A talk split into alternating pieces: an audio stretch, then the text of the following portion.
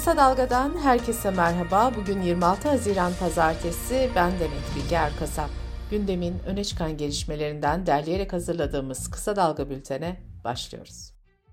Seçimlerin ardından muhalefetteki hareketlilik devam ediyor. İyi Parti'nin hafta sonu yapılan kurultayında Meral Akşener 1127 oyun tamamını alarak yeniden genel başkan seçildi. 50 kişilik genel idare kurulu seçimi içinde Akşener yetkisini kullanarak blok liste yöntemini tercih etti. Akşener kurultaydaki konuşmasında partisini de eleştirerek artık bu partide şımarıklık, hadsizlik bitmiştir dedi.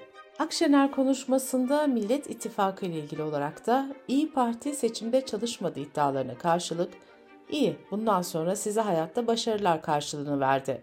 Bu sözler ittifak bitti olarak yorumlandı. İyi Parti'nin yerel seçime ittifaksız gireceği belirtiliyor. Akşener'in CHP'den 15 milletvekili istedik, en büyük pişmanlığımdır, bedelini ödeyemedik sözleri de tartışma yarattı.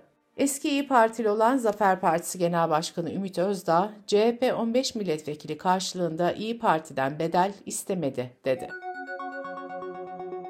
14 Mayıs seçimlerinde DEVA, Saadet ve Gelecek Partileri CHP listesinden seçime girmiş 35 sandalye kazanmıştı. Üç partinin mecliste tek çatı altında grup kurma çalışmaları olmuştu. DEVA Partisi grup kurma ve yeni partide birleşme modellerinin uygun olmadığını duyurdu. Partiden yapılan açıklamaya göre Gelecek Partisi Genel Başkanı Ahmet Davutoğlu iki partinin birleşmesini önerdi. Ancak Deva Partisi bunu sürdürülebilir bulmayarak reddetti. Deva Partisi ayrıca Saadet ve Gelecek partileriyle ortak grup önerisinde uygun olmadığını bildirdi. 14 Mayıs seçimlerinde Türkiye İşçi Partisi'nden Hatay Milletvekili seçilmesine rağmen tahliye edilmeyen Gezi davası tutuklusu avukat Can Atalay, Meclis Başkanı Numan Kurtulmuş'un ben onu oradan nasıl çıkaracağım sözlerine yanıt verdi. Halk TV'den Fırat Fıstık'ın sorularını yanıtlayan Can Atalay, Numan Bey'e ne meramımızı ne de meselenin ciddiyetini anlatabilmişiz dedi. Atalay sözlerine şöyle devam etti. Mesele Can Atalay'ın cezaevinden çıkması ve Numan Bey'in bu konuda iyilik yapması ya da yapmaması değildir. Mesele Türkiye Büyük Millet Meclisi Başkanı'nın hukuksuzluğa karşı tutum alıp almamasıdır.''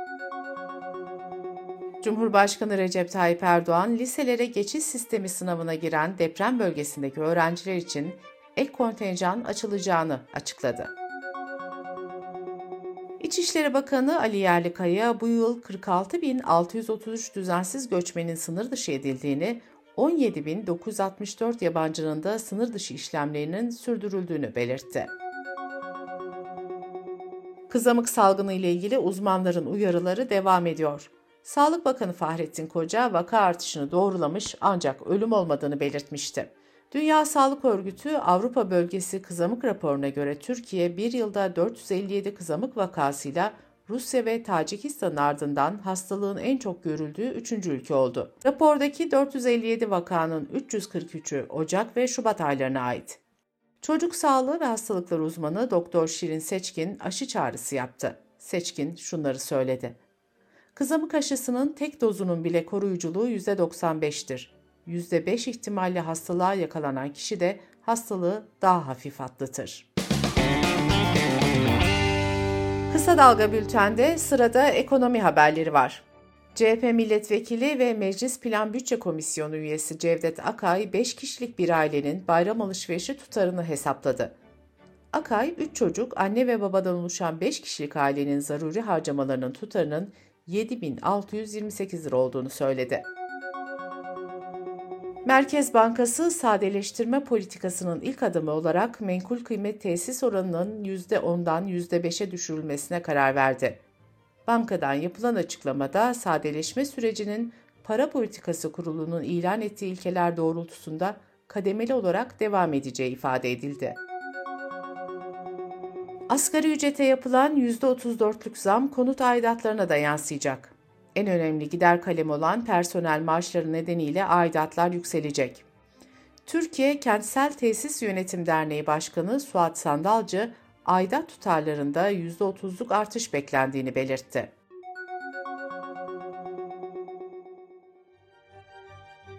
Asgari ücrete yapılan ara zam stajyer maaşlarını da arttırdı.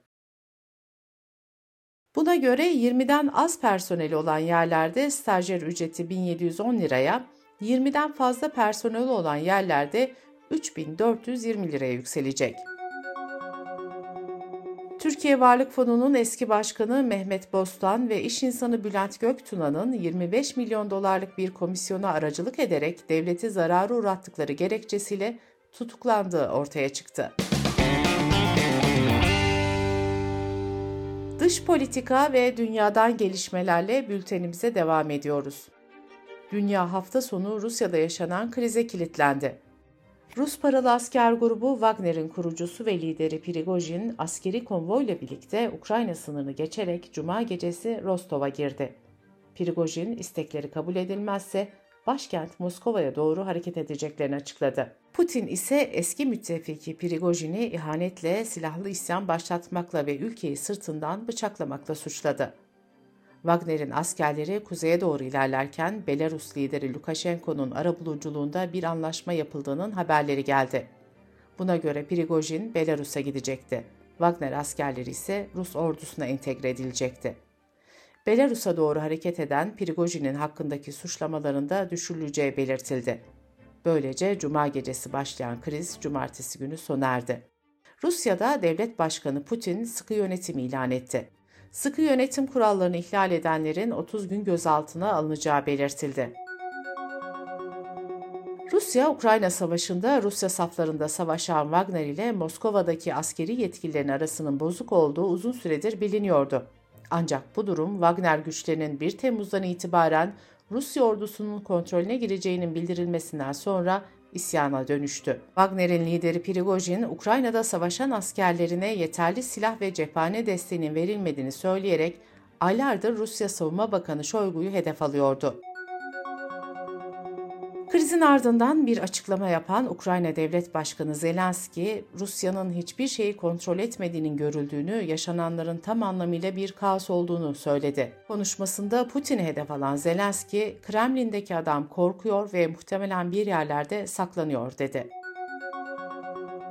Kriz sürerken Cumhurbaşkanı Recep Tayyip Erdoğan da Rusya Devlet Başkanı Putin'le telefonda görüştü. Erdoğan görüşmede aklı selimle hareket edilmesi gerektiğini söyledi. Erdoğan, suhuletle çözülmesi için Türkiye olarak üzerimize düşeni yapmaya hazırız ifadelerini kullandı. Rusya'daki krizle ilgili konuşan ABD Dışişleri Bakanı Blinken ise müttefikler ve partnerlerle yakın koordinasyon içinde olmayı sürdüreceğiz dedi. Öte yandan ABD merkezli Washington Post gazetesine konuşan yetkililer ise Prigojin'in bir şeyler planladığını Haziran ortasından bu yana bildiklerini söyledi. Litvanya Cumhurbaşkanı ise Kremlin ne ekerse onu biçiyor. Ukrayna yönelik tüm şiddet geri tepti ifadelerini kullandı. İran ise Wagner grubunun Rus yönetimine isyanının ülkenin iç meselesi olduğunu ve Rusya'da hukukun üstünlüğünü desteklediklerini açıkladı. Venezuela, Küba ve Nikaragua'da Rus hükümetine destek verdiğini duyurdu. İsrailler Başbakan Netanyahu öncülüğündeki koalisyon hükümetinin yargının yetkilerini sınırlayan düzenlemesine yönelik protestolarına 25. haftada da devam etti. İsrail Adalet Bakanı'nın 5 Ocak'ta duyurduğu yargı reformu, yüksek mahkemenin yetkilerini sınırlandırmayı ve iktidarın yargı atamalarında söz sahibi olmasını içeriyor. Yunanistan'da 21 Mayıs'ta yapılan genel seçimlerin sonuçsuz kalmasının ardından 35 gün sonra dün yeniden seçim yapıldı. Kamuoyu araştırmalarına göre Başbakan Miçotakis'in liderliğindeki Yeni Demokrasi Partisi'nin seçimi önde bitirmesi ve parlamentoda bu kez çoğunluğu sağlaması bekleniyor. Amerika'da gizliliği kaldırılan yeni bir istihbarat raporunda COVID-19 virüsünün Çin'deki laboratuvardan sızdığına ilişkin doğrudan kanıt bulunamadığı bildirildi. Çin'in Wuhan kentinde 2019 yılında ortaya çıkan COVID-19 virüsü hızla yayılarak küresel bir salgın haline gelmişti. Dünya genelinde 6 milyondan fazla kişi hayatını kaybetmişti. Salgınla ilgili birçok komplo teorisi dile getirilirken virüsün Wuhan'daki bir laboratuvarda üretildiği iddiaları da kamuoyuna yansımıştı. Almanya'da Köln Üniversitesi Viroloji Enstitüsü'nden Profesör Doktor Baki Akgül ve ekibi tarafından geliştirilen yeni bir aşı yöntemiyle HPV kaynaklı cilt kanseri tedavisinde umut veren sonuçlar elde edildi. Bağışıklık sistemi zayıflamış kişilerde cilt kanserlerine yol açabilen beta HPV virüslerine karşı geliştirilen aşının klinik çalışmalar öncesi deneylerden olumlu sonuçlar alındı. Bültenimizi kısa dalgadan bir öneriyle bitiriyoruz. Gazeteci Filiz Yavuz ve gıda mühendisi akademisyen Bülent Şık'ın hazırlayıp sunduğu podcast serisi çocuklar için de ambalajlı gıdalardaki tehlikeler anlatılıyor. Çocuklar içini kısa dalga.net adresimizden ve podcast platformlarından dinleyebilirsiniz.